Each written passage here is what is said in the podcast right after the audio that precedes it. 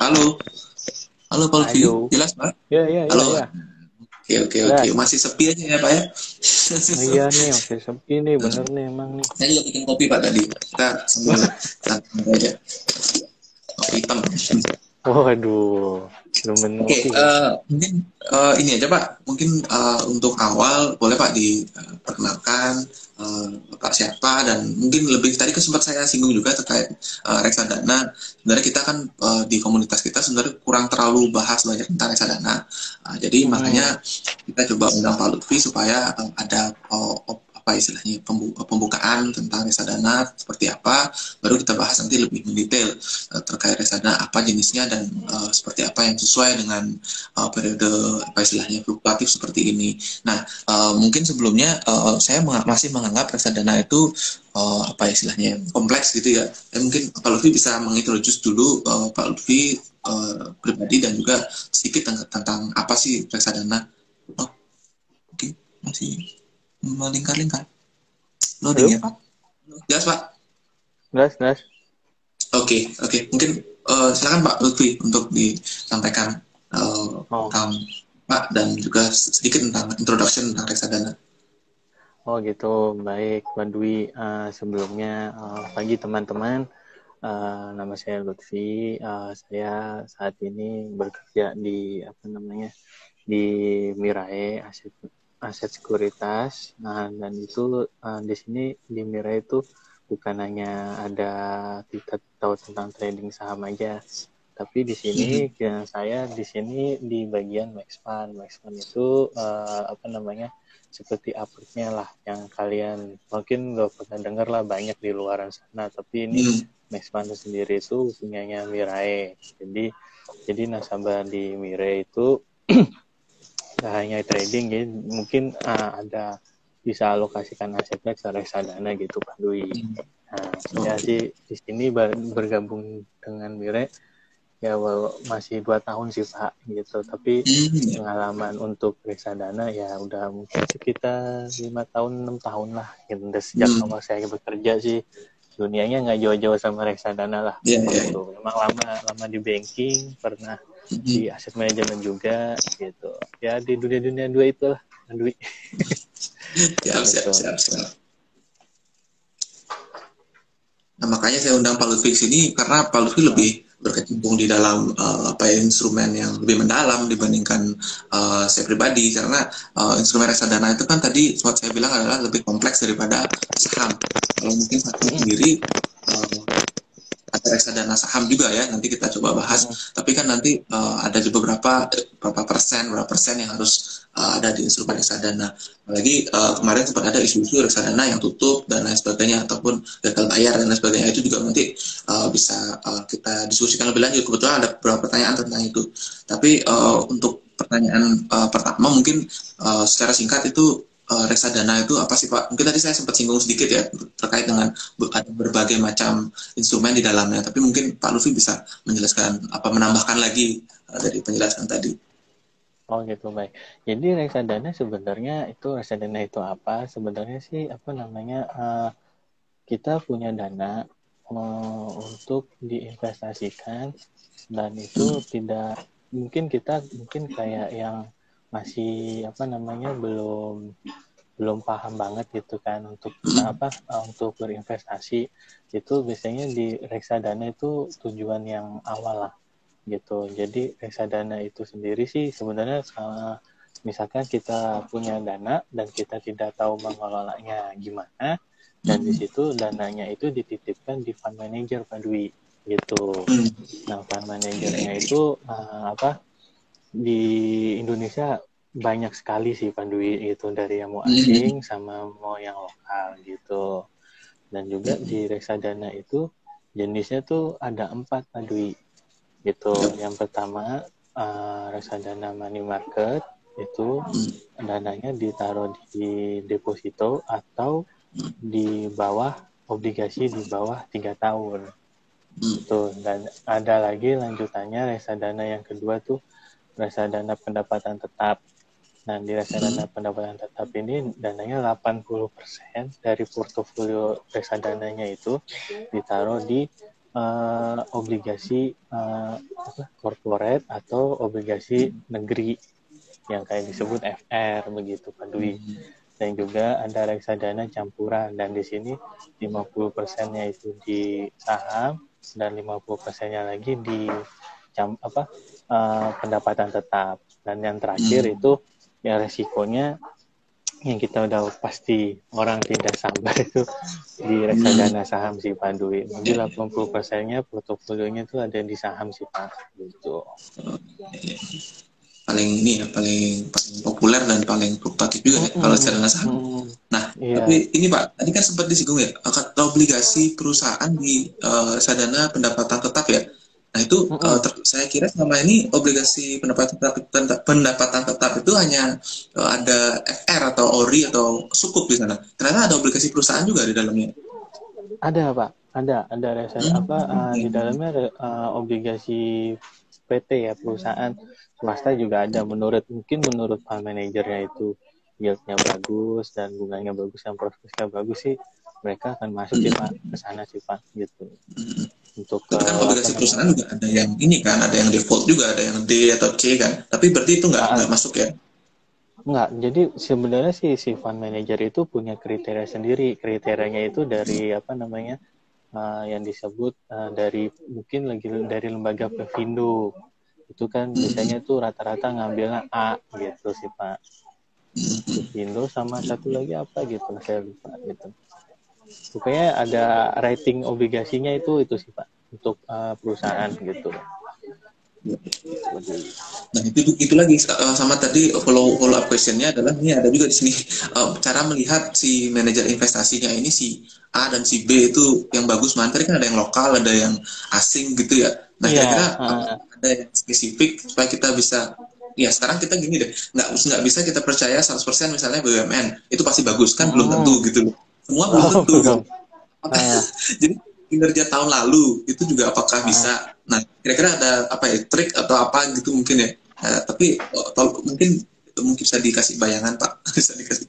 Uh, kalau untuk apa namanya pemilihan MI ya Mas ya, gitu ya. Kita hmm. mau masuk ke mana gitu kan MI. Kalau untuk hmm. untuk MI itu paling kita uh, ngelihat nih produknya. Misalkan kita kan sebelum nasabah apa investor reksadana itu sebenarnya sebelum mau ngambil dia berinvestasi di reksadana dia itu pasti misi kuesioner kuesioner profil resiko gitu loh. Hmm. Jadi kuesioner profil resikonya itu nanti ketahuan nih nasabahnya itu uh, moderat um, atau agresif uh, atau konservatif itu nanti terlihat dari scorecardnya itu. Nah setelah untuk kita udah tahu di situ, nanti apa namanya uh, kita lihat dulu nih MI-nya MI-nya itu udah berapa lama dia berdiri terus yang yang terpenting itu dana kelolaannya itu udah berapa ratus miliar gitu. Hmm, nah terus dan juga misalkan kita udah di apa namanya kita udah tahu nih uh, apa uh, profil resikonya kita misalkan agresif gitu kan maksudnya bisa ke saham kan. Nah di saham itu nanti dilihat apa namanya dari apa namanya fund exitnya itu dana kelolaannya itu udah berapa. Pokoknya sih kalau kan ada peraturan dari OJK kalau satu apa reksadana itu uh, dana kelolaannya harus di atas 10 miliar. Tuh jadi carilah uh, apa uh, reksadana yang di atas 10 m. Tapi jangan 10 m banget sih gitu. Ya mungkin yang di atas 50 gitu. Kalau di bawah 10 miliar selama selama satu bulan deh kalau nggak salah ya pokoknya selama berapa minggu gitu itu nanti OJK bisa membubarin gitu bisa disuruh likuidasi jadi uh, reksadana itu uh, eh, MI-nya harus top up dana sih sebenarnya gitu. Hmm. Ya ya ya ya oke oke oke. Untuk uh, teman-teman mungkin kalau ada yang mau push uh, bertanya monggo silahkan gitu ya. Ini uh, sudah lumayan ada beberapa yang join. Meskipun kemarin ada yang bilang oh jam pagi-pagi saya pas nggak bisa gitu karena ada aktivitas mungkin nggak kalau nggak kerja mungkin ada uh, kerja di rumah work from home dan lain sebagainya. Tapi uh, sudah ada beberapa pertanyaan yang dititipkan juga dari teman-teman. Nah ini ada yang menarik nih kemarin.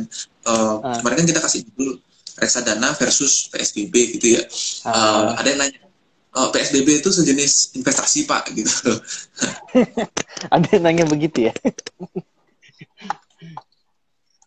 Nah, kira-kira kalau dari pandangan Pak Lutfi ya terkait uh, eh, PSBB dan uh, apa ya mungkin investasi secara umum ataupun uh, fokus ke reksadana. Nah kira-kira uh, gimana Pak uh, apa ya istilahnya kan Pak Lutfi yang lebih di uh, apa namanya di industri sana kira-kira uh, apa kira-kira isunya yang terjadi itu apakah white and still uh, masih white and see ataupun juga sudah ada uh, apa ya rekomendasi-rekomendasi ter terkait gitu dalam kondisi nah, kalau dilihat dari P ya kalau dilihat dari PSBB yang pertama yang pada bulan April ya PSBB pertama itu ya itu apa namanya di industri reksadana sih malah uh, nasabah tuh banyak juga sih masih yang masuk hmm, gitu ya? dan, iya uh, dan juga untuk yang trading untuk trading saham di Mire sendiri sih khususnya juga membludak gitu duit jadi uh, kalau yang pertama ya itu uh, dana dana masuk tuh cukup lumayan besar di kita gitu. Hmm. nah tapi yang kemarin ini kan itu istilahnya PSBB-nya mendadak ya bikin shock yeah, yeah. gitu. Itu diumuminnya malam marketnya juga besokannya langsung merespon negatif gitu. Yeah, memang sih nah kemarin sih ada beberapa nasabah kita yang juga ikutan akhirnya ikutan redeem juga sih mas Dwi untuk dia hmm, ada redeem juga uh, uh, redeem. Mungkin dia redeem apa uh, melihat harga saham murah. Jadi mungkin bisa buat beli saham sih Mas Dwi gitu. Oh, iya, iya, iya. Jadi apa namanya uh, untuk apa namanya peluang di reksadana ini eh di PSBB ini ya kalau ada peluang harga koreksi ya kita sih wajarnya sih kalau punya dana masuk sih nggak apa-apa sih mesti untuk berinvestasi karena apa namanya makin murah makin bagus kan gitu. Ya betul betul makin murah makin bagus tapi asal nggak terus terusan murah ya pak harus uh, iya sih gitu ya. masih iya gitu tapi kan tadi ada beberapa jenis tuh reksadana kalau untuk hmm. uh, untuk periode sekarang ini uh, yang lebih enak untuk diambil itu apakah yang tadi saham ataupun dapat tetap ataupun campuran dan uh, kira-kira yang mana pak? Kira-kira bayangannya aja dari sudut pandang kalau ah, kalau menurut saya pribadi ya kalau saya ngamatin ya itu saat ini sih udah dua tahun ini itu apa namanya kayaknya uh, reksadana pendapatan tetap itu apa namanya menghasilkan return yang cukup lumayan bagus mesti jadi kayak tahun lalu aja rata-rata pendapatan tetap aja itu setahun tahun lalu ya 2019 itu kalau nggak salah tuh plus minus sekitar 10 persen atau 11 pokoknya ada hmm. tetap pendapatan tetap yang ngasih return segitu gitu. Sedangkan sahamnya kan tahun lalu minus ya. Ya gitu. lalu nah, nah kalau kalau dilihat sih tahun ini sih uh, masih di pendapatan tetap sih masih oke okay ya. Kalau di tempat bekerja ini ya to date-nya aja nih pendapatan tetap itu itu sekitar bentar, ya sekitar tujuh persen lah. Rata-rata hmm, iya. tujuh persen. Iya tujuh persen. Ini tujuh persen di bulan sembilan ya? Masih hmm. ada masih ada tiga bulan lagi untuk bulan ya, mungkin dapat sepuluh sama ya, ya berarti sama tahun. ya mungkin apa gitu. Jadi sadana pendapatan tetap sih kalau untuk saat ini sih masih oke okay, tapi jangan lupa juga untuk reksadana sahamnya Kenapa kan sahamnya juga apa sangat sangat seksi banget nih Pak Dwi. Minusnya itu ya sekitar 17 20 persen gitu. Itu juga hmm. boleh juga sih untuk untuk diambil. Mm -mm, jadi untuk diambil di kan yang minusnya lagi lagi gede-gede nih masuk nanti hmm. ya kita simpen dana di situ sekitar di atas lima tahun lah boleh punya lah itu. Gitu. Itu reksadana apa tadi Pak? Maaf. Saham Pak ya? Iya Pak. Saham ya minus Saham. 17 ya? Oh ya, oh, rata-rata iya, iya. di atas di atas 15 semua sih gitu. 15, 20 gitu lebih. Ya, tapi kan uh, balik lagi Pak. Gimana? Balik lagi kebutuhan kan uh, mungkin yang kemarin ada yang cerita yang redeem redeem kan mungkin balik lagi kayak cash is the king gitu ya. Jadi uh, hmm. semua ya sekarang uh, kalau ya entah dia balik ke uh, investasi saham ataupun dia mau secure atau mengamankan uh, apa namanya dana uh, dana daruratnya dulu kan gitu. Nah uh, hmm. kalau untuk dana darurat, saya kira uh, yang yang lebih yang paling liquid saat ini berarti masih tetap reksadana uh, ini pendapatan tetap ya Pak ya karena oh, kalau, masih relatif kalau, kalau ya. untuk dana darurat sih apa namanya di mungkin ada sedikit taruh di money market Pak Dwi. Karena di sana juga money market juga apa namanya uh, kita kalau butuh dana juga cepat sih gitu. Nggak harus nunggu T plus tiga gitu. Kalau di money market T plus satu sih rata-rata Pak Dwi gitu. Ya paling kalau di sana ya sekitar 20% mungkin boleh.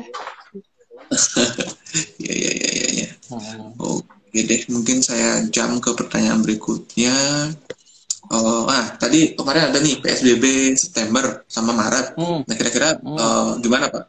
Apakah masih sama outlooknya apa uh, ada sedikit perbedaan? Kalau dilihat sih ini kan semalam Pak Anies kan barusan apa namanya eh kemarin ya kemarin sore kan ada PSBB-nya mungkin ada sedikit revisi gitu ya. Hmm, nggak yang total total kan nggak yang total total ketat banget sih. Mungkin ya setengah total kita, katanya eh, kan kemarin total tapi kalau dilihat dari itu sih ya beda-beda tipis lah sama yang transisi gitu kan. Hmm. yang sih mungkin ya kalau saya lihat sih kalau responnya sih nanti berharap uh, positif ya Pak Dwi ya. Karena tidak seperti yang dipikirkan oleh apa namanya uh, market yang kemarin-kemarin gitu kan. Kemarin sih kalau saya melihat melihat sih ya terlalu lebay sih merespon. Terlalu lebay sih merespon apa namanya uh, indeks untuk uh, asing untuk buang. Tapi ya mau gimana sih kita kan nggak bisa melawan pasar ya yang punya dana besar pasti yang punya dana besar pasti ya berkuasa gitu. Tapi kita kan sebagai investor ya melihat ini sebuah peluang bukan sebuah apa namanya bukan sebuah aduh gue rugi gede nih gue mau cut loss nih gitu kan ya kalau kamu uh, kalau kita taruh di reksadana atau di saham yang sahamnya bagus sih ya nggak masalah sih malah kalau bisa ya saya mau masuk lagi buat di average gitu. Iya masuk Jadi, kalau ada dana masuk gitu pak ya.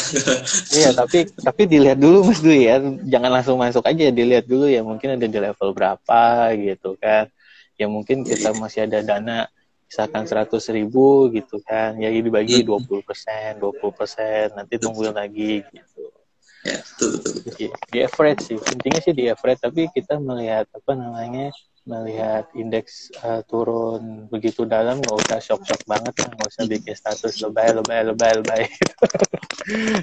Kita pokoknya intinya kalau ada kayak gitu ini kesempatan emas sih ini sih ibarat kata dikasih dua kali nih kesempatan untuk hmm. bisa maju jadi fast track jadi orang kaya fast track jadi orang kaya benar benar iya iya iya Nah tadi kan uh, sempat dibahas Pak uh, sedikit tentang reksadana saham.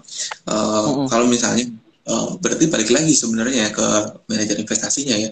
Kalau misalnya mm-hmm. uh, yang berisiko mana reksadana saham atau beli saham langsung, kan berarti tergantung si uh, reksadana si manajer investasinya ya, investasinya ke mana. Ad, kan kemarin saya jujur saya pernah lihat beberapa manajer investasi itu investasi di uh, perusahaan-perusahaan yang istilahnya kita nggak pernah dengar dah itu perusahaan apa? Gitu kan banyak lah hmm. di IDX itu perusahaan-perusahaan yang misalnya apa ya uh, berantah gitu ya kan banyak juga kita sadari sendiri. Nah uh, itu juga yang banyak uh, jatuh di sana uh, manajer investasinya. Tapi berarti sebenarnya yang me, apa istilahnya yang men, menentukan itu lebih berisiko apa enggak itu berarti individunya sendiri ya pak ya? Mm, benar mas jadi untuk apa namanya kalau itu kan kita kan sebagai nasabah kan apa namanya kita ngelihat dulu nih MI-nya yang punya latar belakangnya siapa terus berdirinya udah berapa lama dana kelolaannya sudah berapa gitu kan.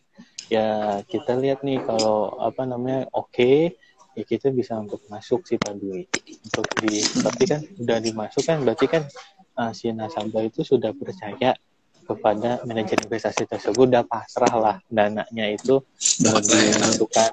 Ya udah dimasukkan di mana. Tapi kan semuanya itu yang penting itu di under OJK ya Pak Dwi ya. Satu lagi ya.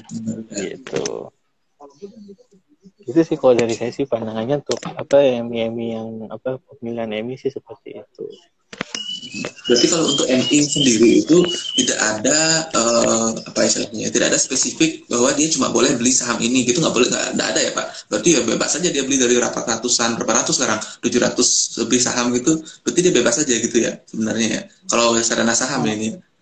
Ah, kalau reksadana saham sih ya dia sih uh, pasti uh, MI itu ingin ingin menciptakan produk yang bagus punya ya untuk punya itu ya pasti mereka juga harusnya sih ya itu berhati-hati dalam uh, harusnya tuh berhati-hati dalam memilih saham yang apa namanya yang dia untuk uh, beli gitu loh untuk dimasukkan di dalam portfolionya dia sih Pak Dwi. Tapi sih memang rata-rata sih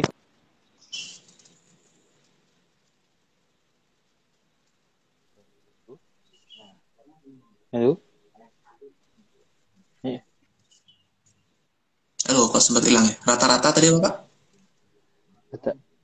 Rata-rata, oh ya rata-rata ini sih apa namanya, uh, MI, MI-nya itu apa namanya, hmm, masuknya tuh yang, yang, yang apa, yang top 5 lah, yang ditaruh di apa namanya, di depan flagshipnya gitu. Hmm, ya ya benar-benar. Ada yang flagship ya, yang proporsinya ada yang gede itu pasti perusahaan-perusahaan yang istilahnya apa ya secure gitulah ya bisa dibilang ya. ya perusahaan yang uh, apa ya? Uh, uh, paling ada gitu, ada ya.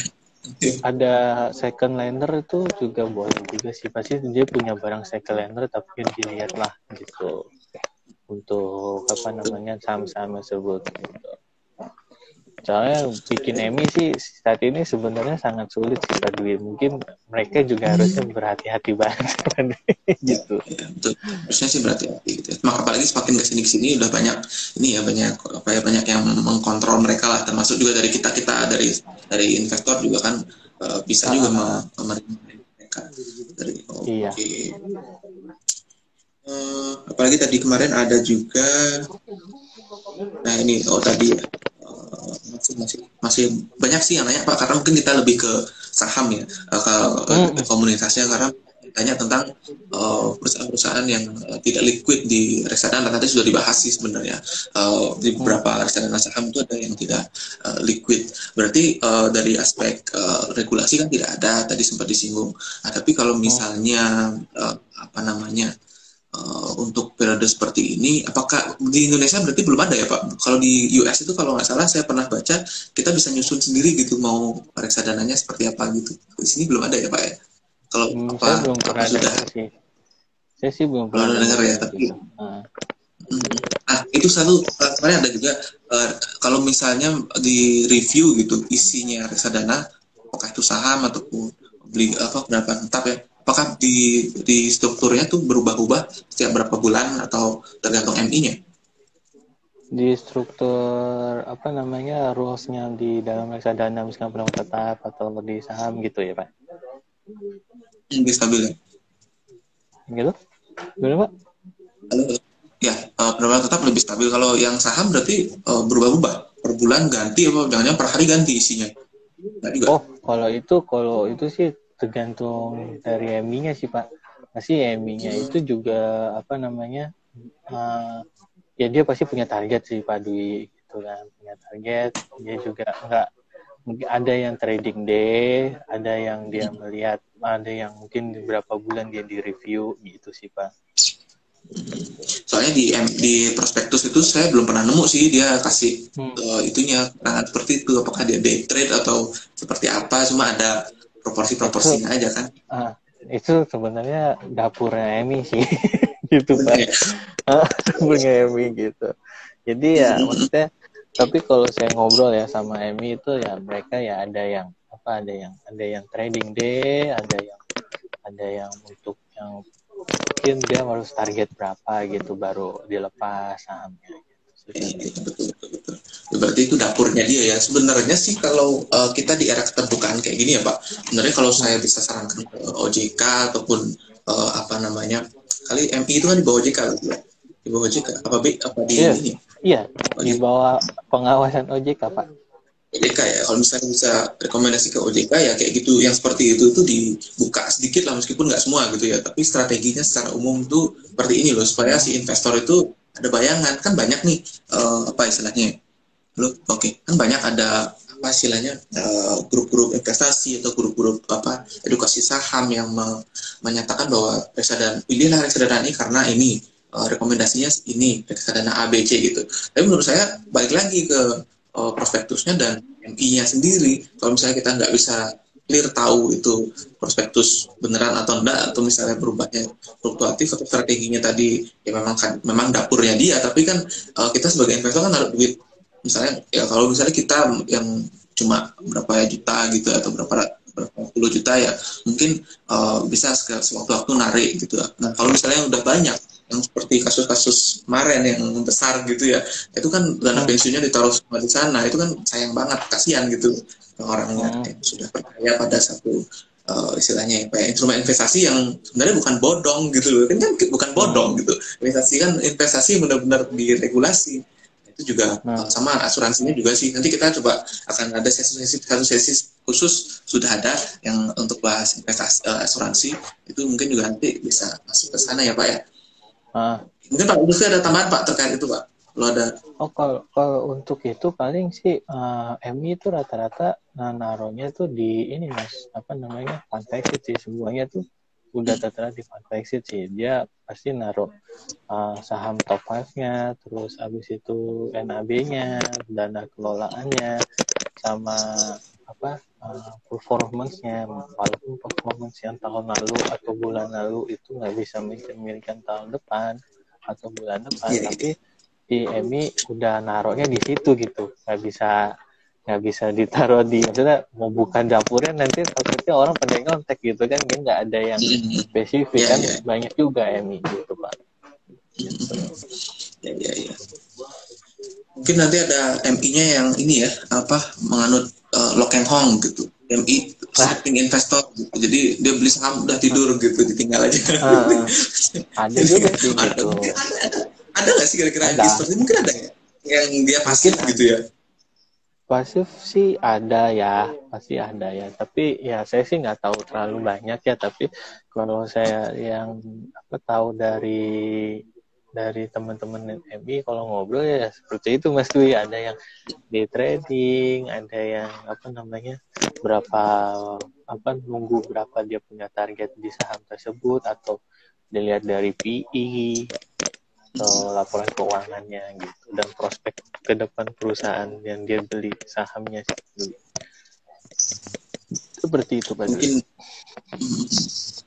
itu ya Pak ya. Mungkin ya, tadi dapur tadi ya dapurnya MI tadi ya. Nanti kita mungkin coba uh, kalau Pak Lutfi ada rekomendasi siapa nih MI ada yang bisa diajak ngobrol kita coba undang ke sini nanti ya. Uh, terus uh, reksadana udah tadi ya sudah. Kemudian uh, ini ada juga nih uh, nah kalau misalnya tadi kan ada berapa Pak ya. Kalau misalnya kira kira-kira reksadana apa sih yang cocok untuk uh, apa ya investment goals atau uh, tujuan investasi tertentu? Misalnya untuk jangka pendek apa yang panjang apa atau jangka menengah? Tadi mungkin sebenarnya sudah disampaikan uh, sekilas sih tapi mungkin bisa di uh, apa ya istilahnya dipertegas lagi atau dielaborasi lagi. Mana kira-kira yang cocok untuk, berbagai apa ya kebutuhan gitu ya terkait dengan investasi hmm. Ya, kalau untuk kita mau investasi mungkin di uh, yang pendek itu yang mungkin 1 sampai 3 itu Pak. Itu bisa masuk ke reksadana money market sih pak. Gitu. Hmm. gitu. Nah terus 3 sampai lima itu kan eh, tiga satu eh satu sampai lima lah. Biar biar apa namanya biar gampang gitu pak ya. Satu sampai lima itu boleh di pendapatan tetap pak dan juga kalau untuk yang di atas lima tahun itu sih saya sarankan sih masuknya ke reksadana saham sih pak. Yang lama. Kenapa yang saya bilang ditarik tenornya lama? Karena itu kan uh, kan kalau kita lihat grafik reksadana eh grafik IHSG itu kalau semakin panjang kan dia apa namanya uh, naik naik naik turun. Tapi kok di uh, di apa namanya ditarik garis itu naik kan pak ya gitu. Jadi resikonya sih apa lebih rendah lah pak untuk di atas lima tahun gitu. Tapi ya uh, kita harus punya goals benar-benar dipegang ya. Saya mau mau masuk reksadana 10 di jangka waktu yang panjang 10 tahun itu ya benar-benar komit. Kalau misalkan baru setahun udah return 50% gitu jangan gatel. Gitu pak oke oke oke oke. Jadi intinya adalah konsisten ya pak. Konsisten. Mungkin juga uh, uh, konsep uh, rutin ya pak. Rutin top up gitu juga uh, signifikan ya pak ya. Daripada menaruh ya, sekali tapi uh, tapi top uh, up berkala gitu ya. Iya top up berkala juga salah satu apa namanya ya buat ini pak apa namanya buat buat kita disiplin nabung apa gitu. Betul betul hubungan compound interest itu ya kuncinya sebenarnya. Dari investasi apa pun ya compound interest itu kuncinya. Uh, ya. ya mungkin uh, ada beberapa eh, mungkin rekan-rekan sudah lumayan ini ada beberapa yang join tapi pada uh, diam-diam aja. Tapi nanti kemarin sudah ada beberapa yang tip ke uh, pertanyaan juga. Satu ada ini uh, SDP sudah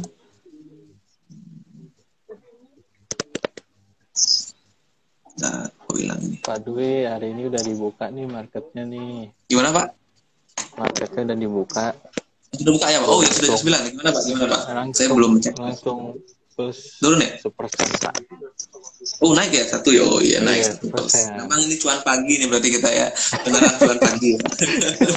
Ada beberapa ya semoga pada cuan lah. Bukannya kita kalau apa namanya kalau untuk uh, investasi di saham atau di reksadana saham sih kalau melihat peluang apa namanya uh, merah kemarin sih nggak usah stres panik atau gimana gitu. Betul, biasa aja gitu. Malah itu sebagai apa namanya sebagai ya tuh kesempatan emas sih pak gitu. Ya nasabah saya sebenarnya kemarin tuh dari bulan 4 sampai bulan ke, sampai kemarin ya sebelum heboh itu dia tuh udah untung 10 persen gitu. Karena kemarin dalam dua hari langsung hilang uangnya untungnya Waduh. tapi kan belum saya belum belum dijual jadi ini masih ada potensi naik naik lagi sih Dwi gitu aja udah persen ya mudah-mudahan cepet lah nih nah baliknya gitu ya, ya, ya. intinya mental itu penting ya pak jadi jangan cepat-cepat apa istilahnya hmm. jangan cepat-cepat narik dana ataupun apa jadi tetap aja optimis kalau misalnya sudah uh, sudah apa istilahnya sudah paham dan juga tahu itu apa istilahnya itu investasi yang instrumennya baik ya pasti akan hmm. akan kembali gitu ke, ke naik gitu ya Iya. Jadi kemarin tadi juga sehat tuh, sehat keuangan, sehat mental gitu. Nah ya, jadi apa namanya ya itu tadi sih Pak intinya nggak usah panik lah intinya pokoknya kalau selama barang yang kita masuk bagus ya masa nggak ada orang yeah. yang mau beli sih siap, siap, siap, siap. siap. Oh, udah ada nih masuk nih Q&A semoga ah ini bagus reksadana pasar uang pas lagi pandemi oh tadi udah sempat dibahas ya reksadana pasar uang ya pak ya yang cukup yeah. secure ya Uh, uh, kalau pasar uang sih ibaratnya di atas deposito lah Pak Dwi gitu. Kalau kita hmm deposito itu juga termasuk investasi Pak Dwi tapi apa uh, itu yang secure banget kan punya produk bank gitu kalau di reksadana kan uh, jasa keuangan non bank yang punya Pak Dwi gitu. Oke, kalau pasar uang tadi ada deposito juga Pak di dalamnya? Jadi ada Pak. Ya? Ada. Ya? Ada. Ada ya? ya di dalamnya ada deposito, ada apa namanya obligasi uh, swasta tapi yang kurang dari tiga tahun itu bisa dimasukkan situ sih pak gitu atau ya, apa namanya depositonya bisa di bank bisa di BPR tergantung si MI-nya melihat apa namanya ada yang bagus yang mana lah gitu pak ya, ya, ya, oke deh tadi ini masih Mas Hazi itu apakah PSBB berpengaruh terhadap investasi Pak? Oh, tadi udah sebenarnya udah di depan ya. Tapi mungkin singkat aja Pak, boleh Pak berpengaruh atau tidak gitu?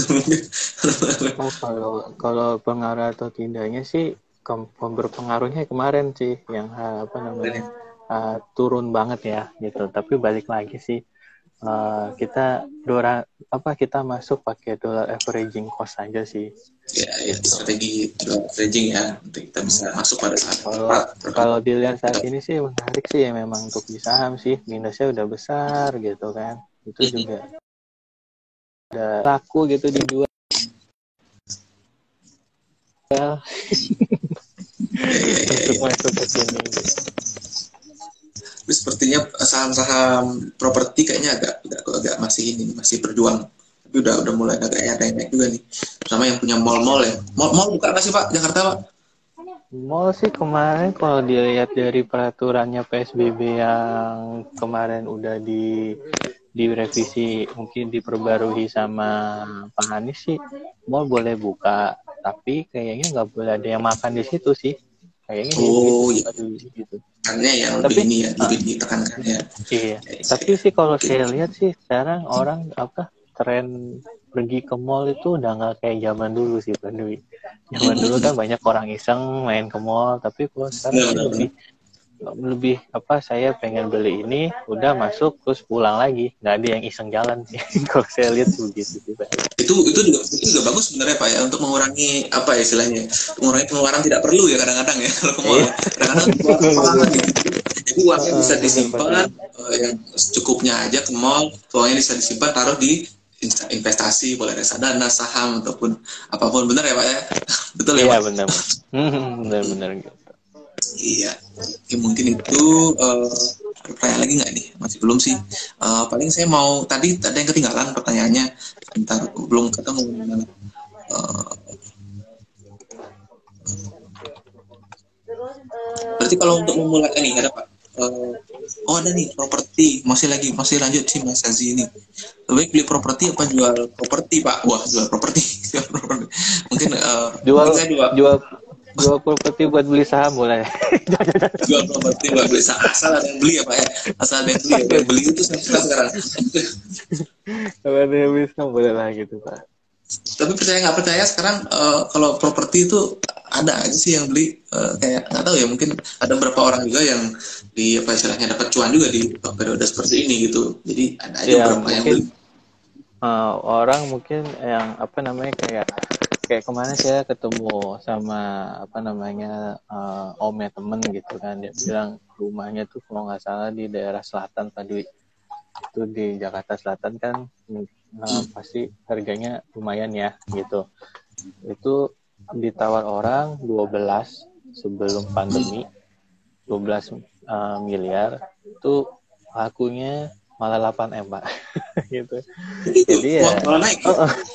turun turun turun pak dia be, nah apa orang yang jualnya 12 habis itu uh, setelah pandemi akhirnya jadi 8 sih pak itunya. Jadi menarik sekali. ya, ya. ya, ya, benar-benar. Hmm. ini ada satu nih tambahan nih dari Pak Harris apa nih saya memiliki reksadana saham. Untuk kondisi seperti sekarang apakah masih bagus untuk tahan Gimana Pak? Tambah lagi kayaknya ya. Oh. Kalau untuk tahan sih boleh sih Pak. Masih oke lah Pak.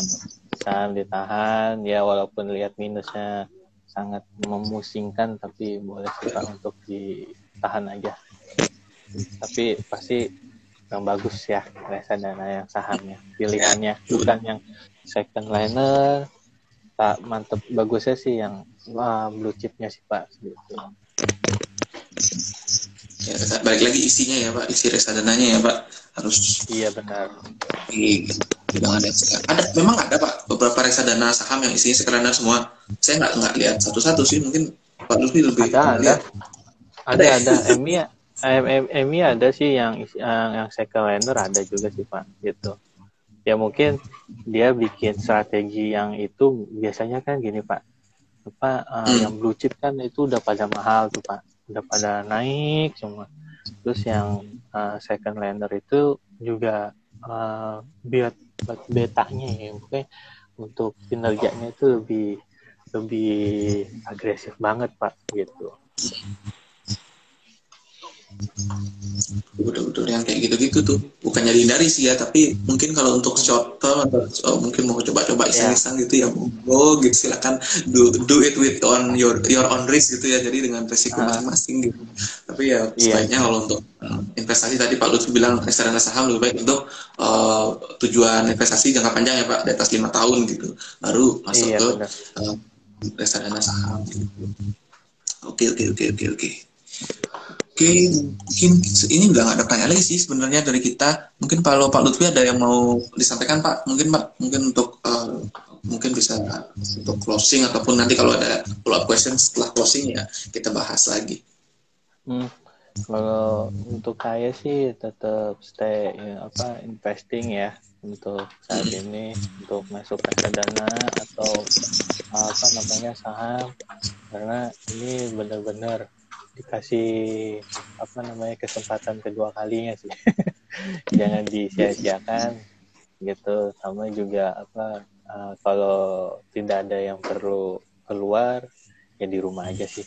Tapi itu aja yeah, jaga kesehatan aja gitu pak. Itu aja sih kalau untuk pesan pesan untuk di saya sih ya kayak gitu pak ya. Yang dari investasi walaupun dan juga untuk kesehatan kita gitu siap siap siap siap.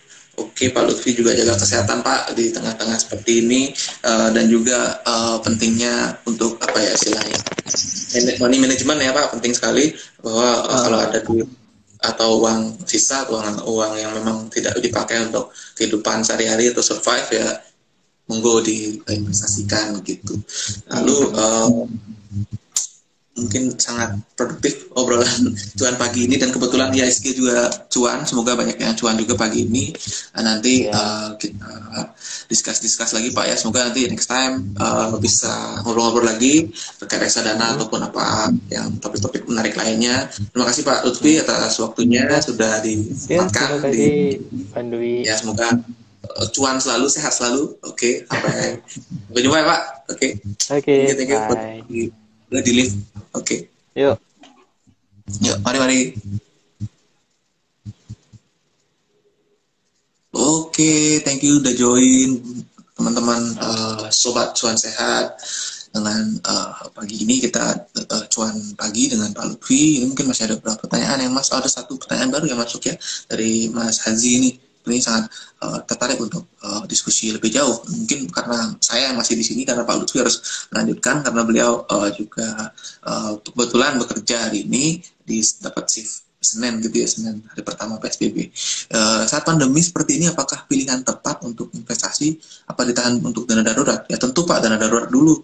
Nanti investasi adalah uang dingin atau uang fresh. Kalau misalnya uh, kecuali uh, dana darurat dulu untuk kebutuhan-kebutuhan uh, bulanan ataupun uh, bisa dipenuhi baru nanti sisanya diinvestasikan. Uh, Itu uh, dasar perencanaan keuangan memang uh, harus dana darurat dulu atau uh, sudah tercover baru uh, asuransi juga penting ya Pak. Jangan lupa asuransi juga tercover dan juga nanti uh, sisanya baru untuk invest. Investnya bisa di mana pun. Kalau tadi tergantung uh, kebutuhan ya kebutuhan atau tujuan investasi. Kalau mungkin mungkin sekarang banyak yang trading juga untuk uh, apa istilahnya mengetes nyali gitu ya dari periode seperti ini ya boleh saja. Tapi memang harus uang yang benar-benar uh, fresh gitu, untuk untuk mau trading dan siap siap hilang lah gitu. Siap cuan ya siap hilang uangnya.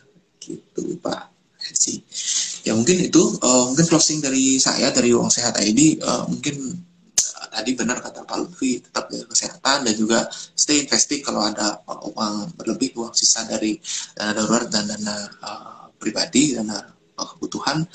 Dan rutin ya tadi sekali lagi rutin dan coba untuk berdisiplin uh, investasi. Tadi juga ada highlight menarik dari Pak Lutfi terkait manajemen investasi. Carilah MI yang uh, benar-benar kalau misalnya mau di reksadana cari MI yang uh, benar-benar tahu atau benar-benar apa istilahnya benar mau open gitu tentang investasi apa sih yang di uh, ditaruh di, reksadana tersebut. Jadi reksadana ini kompleks, masih pemikiran saya masih sama reksadana ini kompleks, tapi uh, ada berbagai cara untuk mengetahui bahwa reksadana ini bagus, reksadana ini kurang bagus. Nah, itu juga harus di uh, berhati-hati dan juga banyak belajar uh, di mana pun bisa belajar dengan dari orang-orang yang tepat dan juga dari forum-forum uh, ataupun informasi yang ada banyak sekarang bertebaran di internet tapi tetap sekali lagi seleksi informasi dan jangan sampai tertipu oleh uh, MI bodong. Kita bilang MI bodong ya? Ataupun uh, ada beberapa mungkin yang